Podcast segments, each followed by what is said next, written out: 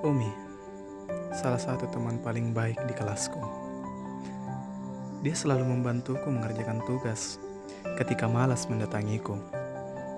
Dia menyediakan tempat tidur di kosnya ketika aku ingin tidur. Dia memanggilku makan ketika aku sedang lapar.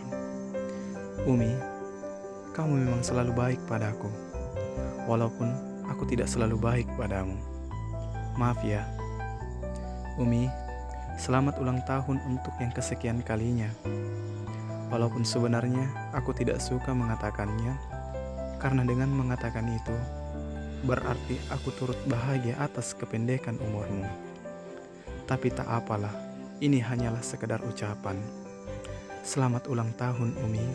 Semoga Tuhan mengabulkan segala doamu.